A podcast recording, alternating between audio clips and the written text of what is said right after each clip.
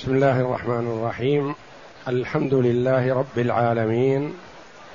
والصلاة والسلام على نبينا محمد وعلى آله وصحبه أجمعين. وبعد. بسم الله.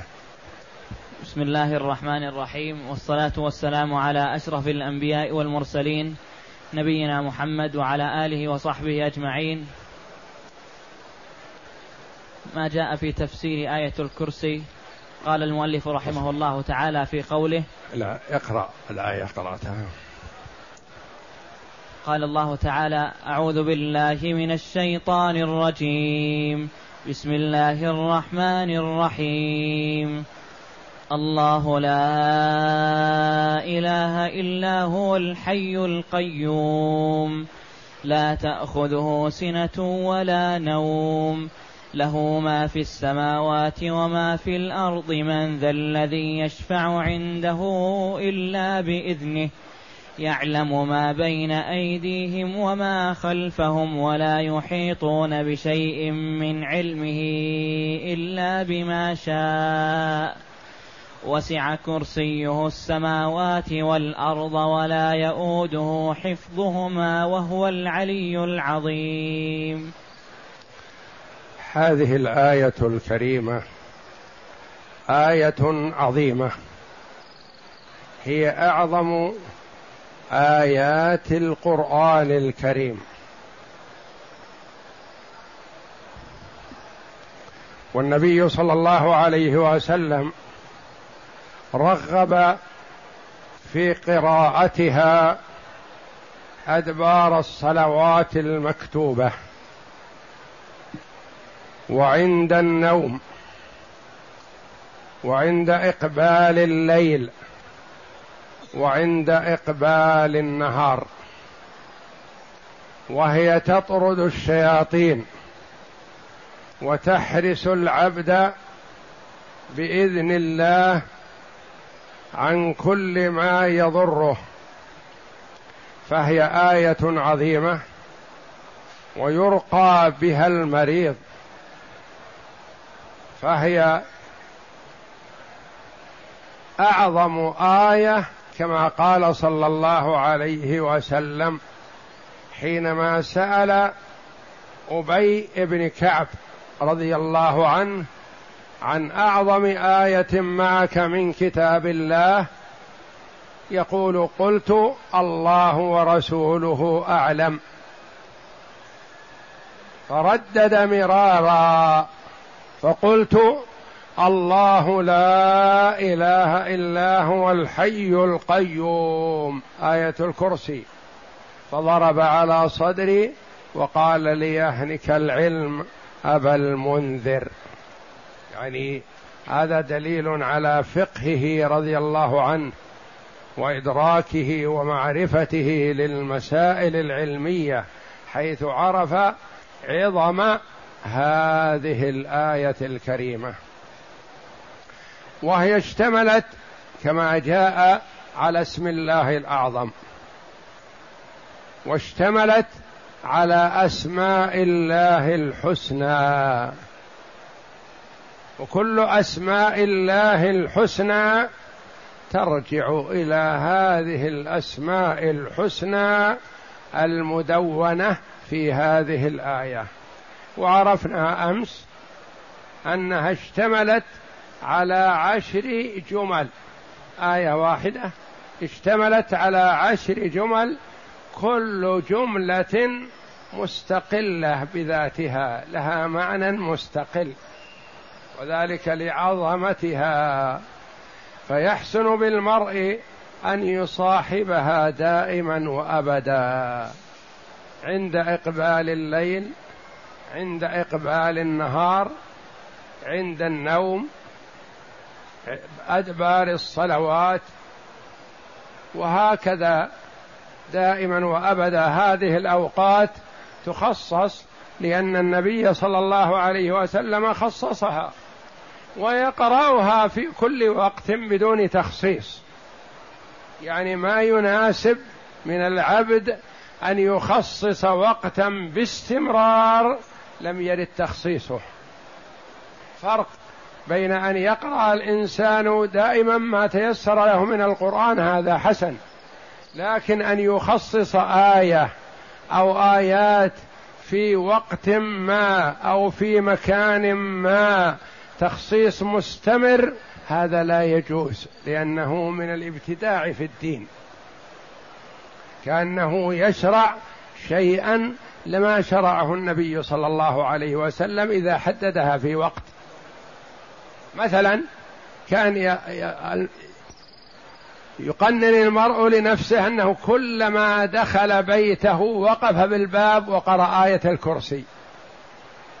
يقول هذه بدعة. اقرأ آية الكرسي باستمرار لكن ما تخصص عند دخول البيت.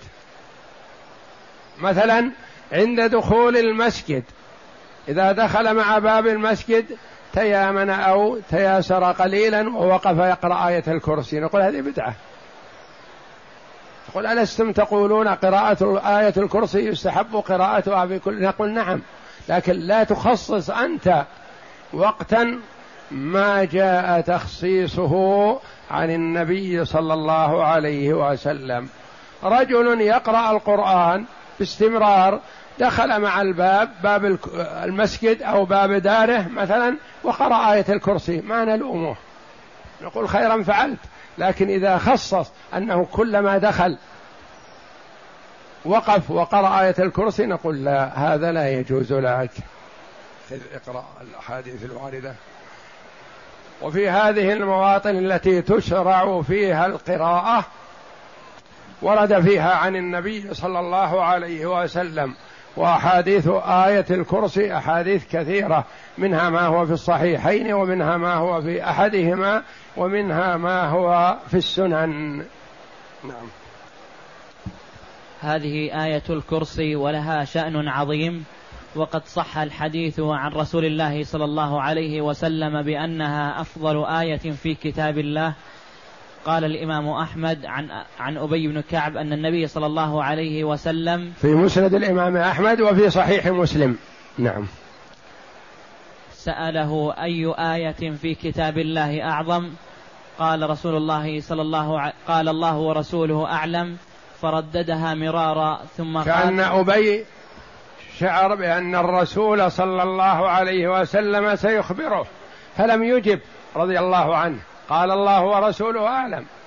فلما ردد عليه عرف أنه كالسائل له والممتحن فأجاب على ضوء ما هدي إليه فقال الله لا إله إلا هو الحي القيوم. نعم. فرددها مرارا ثم قال آية الكرسي. قال ليهنك العلم أبا المنذر. والذي نفسي بيده إن لها لسانا وشفتين تقدس الملك عند ساق العرش. حديث آخر عن أنس أن رسول الله صلى الله عليه وسلم سأل رجلا من صحابته فقال أي, أي فلان هل تزوجت؟ قال لا وليس عندي ما أتزوج به. قال لا أملك شيء. نعم. قال أوليس معك؟ قل هو الله أحد. قال بلى. قال ربع القرآن. قال أليس معك؟ قل يا أيها الكافرون. قال بلى.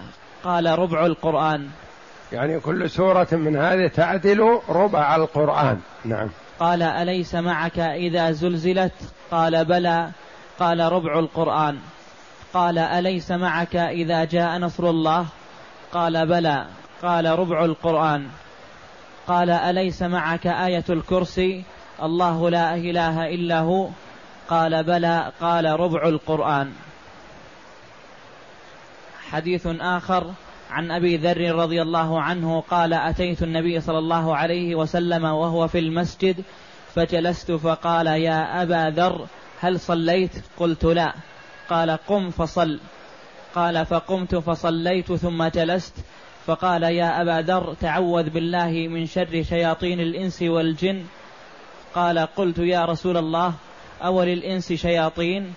قال نعم. أول الإنس شياطين يعني كان أبو ذر رضي الله عنه يظن أن الشياطين من الجن وليس من الإنس شياطين. نعم. قال نعم. قال قلت يا رسول الله الصلاة. قال خير موضع خير موضع من شاء أقل ومن شاء أكثر من شاء أقل ومن شاء أكثر. قال قلت يا رسول الله فالصوم قال فرض مجزئ وعند الله مزيد. قلت يا رسول الله فالصدقة قال أضعاف مضاعفة. هذا في مضاعفة الأعمال. نعم. قلت يا رسول الله فأيها أفضل؟ قال جهد من قل. جهد, جهد المقل. جهد من مقل.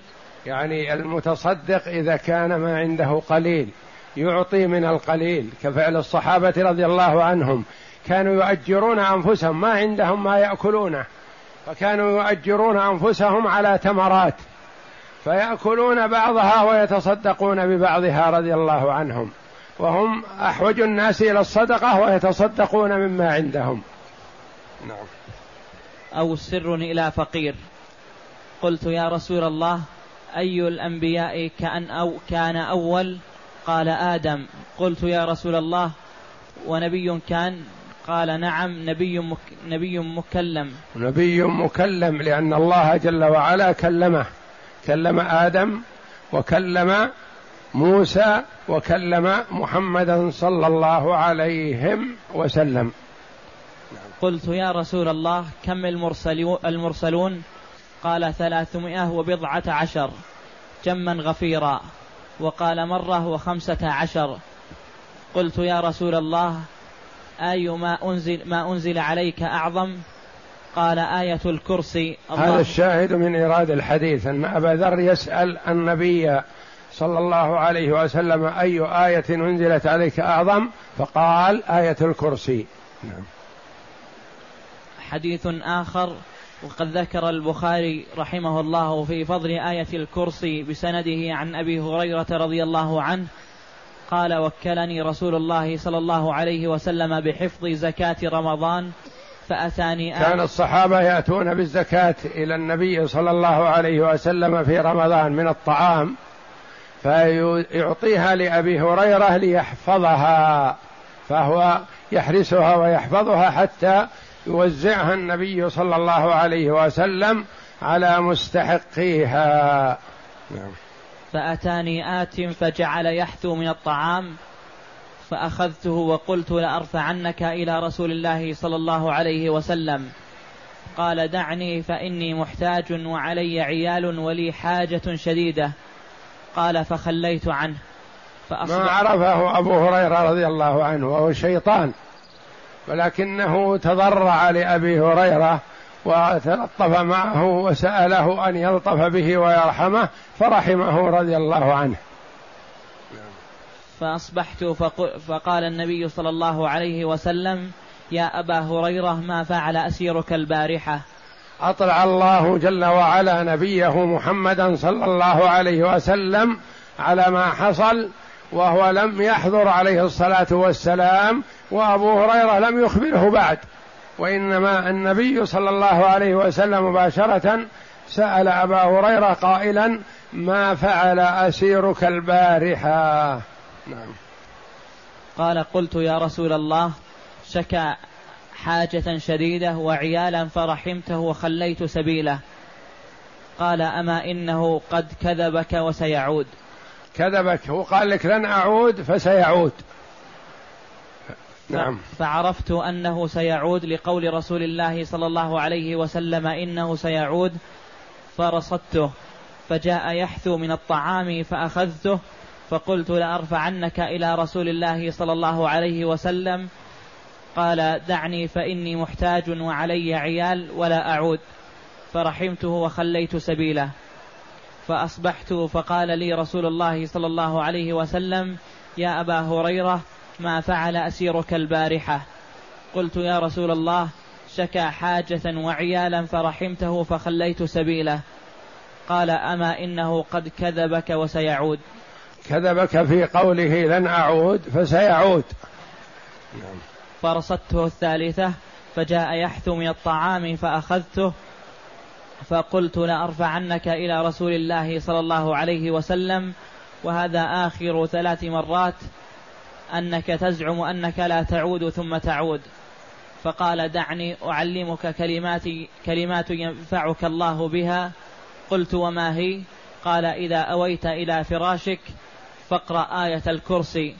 الله لا إله إلا هو الحي القيوم حتى تختم الآية. فإنك لا يزال عليك من الله حافظ ولا يقربك شيطان حتى تصبح. فخليت يعني حصن وحرز للمؤمن للمسلم من الشياطين. نعم. فخليت سبيله فأصبحت فقال لي رسول الله صلى الله عليه وسلم ما فعل أسيرك البارحة؟ قلت يا رسول الله زعم أنه يعلمني كلمات ينفعني ينفع ينفعني الله ينفعني الله بها فخليت سبيله. قال وما هي؟ قال قال قال, قال لي إذا أويت إلى فراشك فاقرأ آية الكرسي من أولها حتى تختم الآية. الله لا إله إلا هو الحي القيوم. وقال لي لن يزال عليك من الله حافظ ولا يقربك شيطان حتى تصبح. وكانوا أحرص شيء على الخير. وكانوا يعني الصحابة رضي الله عنهم لما طلب منه أن يتركه ليعلمه تركه من أجل زيادة في العلم والاستفادة. نعم. فقال النبي صلى الله عليه وسلم أما إنه صدقك وهو كذوب؟ أما إنه صدقك في هذا العلم الذي علمك إياه. علمك أن آية الكرسي تحرسك من الشياطين. صدقك في هذا وليس من من عادته الصدق إن من طبعه الكذب وإنه لكذوب. نعم. تعلم من تخاطب من ثلاث ليال يا أبا هريرة؟ قلت لا قال ذاك الشيطان. يعني أنت يحسب يظنه أبو هريرة رضي الله عنه شخص من أهل المدينة أو من جيرانها. فقال تعلم من تخاطب منذ ثلاث؟ قلت لا يا رسول الله. قال أما إنه شيطان. والشياطين يتسلطون على ابن آدم إذا لم يتحفظ منهم بالذكر والأوراد الحسنة والآيات القرآنية يتسلطون عليه ويؤذونه بالوسوسة والأفكار السيئة وربما سرقوا ما عنده وأساءوا إليه أو خربوا متاعه أو نحو ذلك إلا إذا قرأ آية الكرسي فإن الله جل وعلا يحفظه بها وتكون حرزا له. وعن أبي هريرة رضي الله عنه أن رسول الله صلى الله عليه وسلم قال سورة البقرة فيها آية آية سيدة آي القرآن. سيدة آي القرآن. سورة البقرة فيها آية. هي سيدة آيات القرآن يعني أفضلها. نعم. لا تقرأ في بيت فيه شيطان إلا خرج منه. آية الكرسي. يعني هي سبب لإخراج الشياطين من البيوت. إذا قرأها المرء فيه ليلا خرج الشيطان منه في الليل. وإذا قرأها في النهار خرج الشيطان منه وله ضراط كما جاء في الحديث الآخر. نعم وقد رواه الترمذي ولفظه لكل شيء سنام وسنام القرآن سورة البقرة وفيها آية آية هي سيدة آي القرآن آية آية الكرسي. وسميت بآية الكرسي لأنه ورد ذكر الكرسي فيها. وسع كرسيه السماوات والأرض. وآيات القرآن بعضها مسمات ومثل هذه اسمها آية الكرسي. وفيها آية العز الذي تثبت العزه والعظمة والجبروت لله جل وعلا. نعم. وفي اشتماله على اسم الله الأعظم عن أسماء بنت يزيد بن السكن قالت سمعت رسول الله صلى الله عليه وسلم يقول في هاتين الآيتين الله لا إله إلا هو الحي القيوم وألف لام ميم. الله لا إله إلا هو الحي القيوم. أول سورة آل عمران. نعم. إن فيه ما والآية الثالثة في طه. قوله تعالى وعنت الوجوه للحي القيوم. ورد الحي القيوم في ثلاث آيات من كتاب الله. آية الكرسي وأول آية من سورة البقرة ومن سورة آل عمران وآية في سورة طه. إن فيهما اسم الله الأعظم. وعن أبي أمامة يرفعه قال اسم الله الأعظم الذي إذا دعي به أجاب في ثلاث في ثلاث سورة البقرة وآل عمران وطه. وقال هشام أما البقرة فقوله تعالى الله لا إله إلا هو الحي القيوم. وفي آل عمران ألف لام ميم الله لا إله إلا هو الحي القيوم. وفي طه وعنت الوجوه للحي القيوم. وعن أبي أمامة قال قال رسول الله صلى الله عليه وسلم من قرأ دبر كل صلاة مكتوبة آية الكرسي لم يمنعه من دخول الجنة إلا أن يموت. من واظب عليها بعد كل صلاة في نهاية الفريضة بعد السلام يقرأ آية الكرسي يقول عليه الصلاة والسلام ما بينه وبين الجنة إلا أن يموت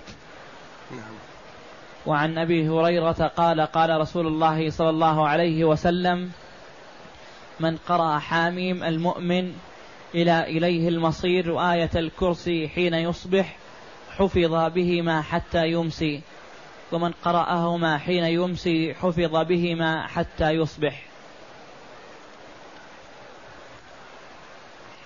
والله أعلم وصلى الله وسلم وبارك على عبده ورسول نبينا محمد وعلى آله وصحبه أجمعين.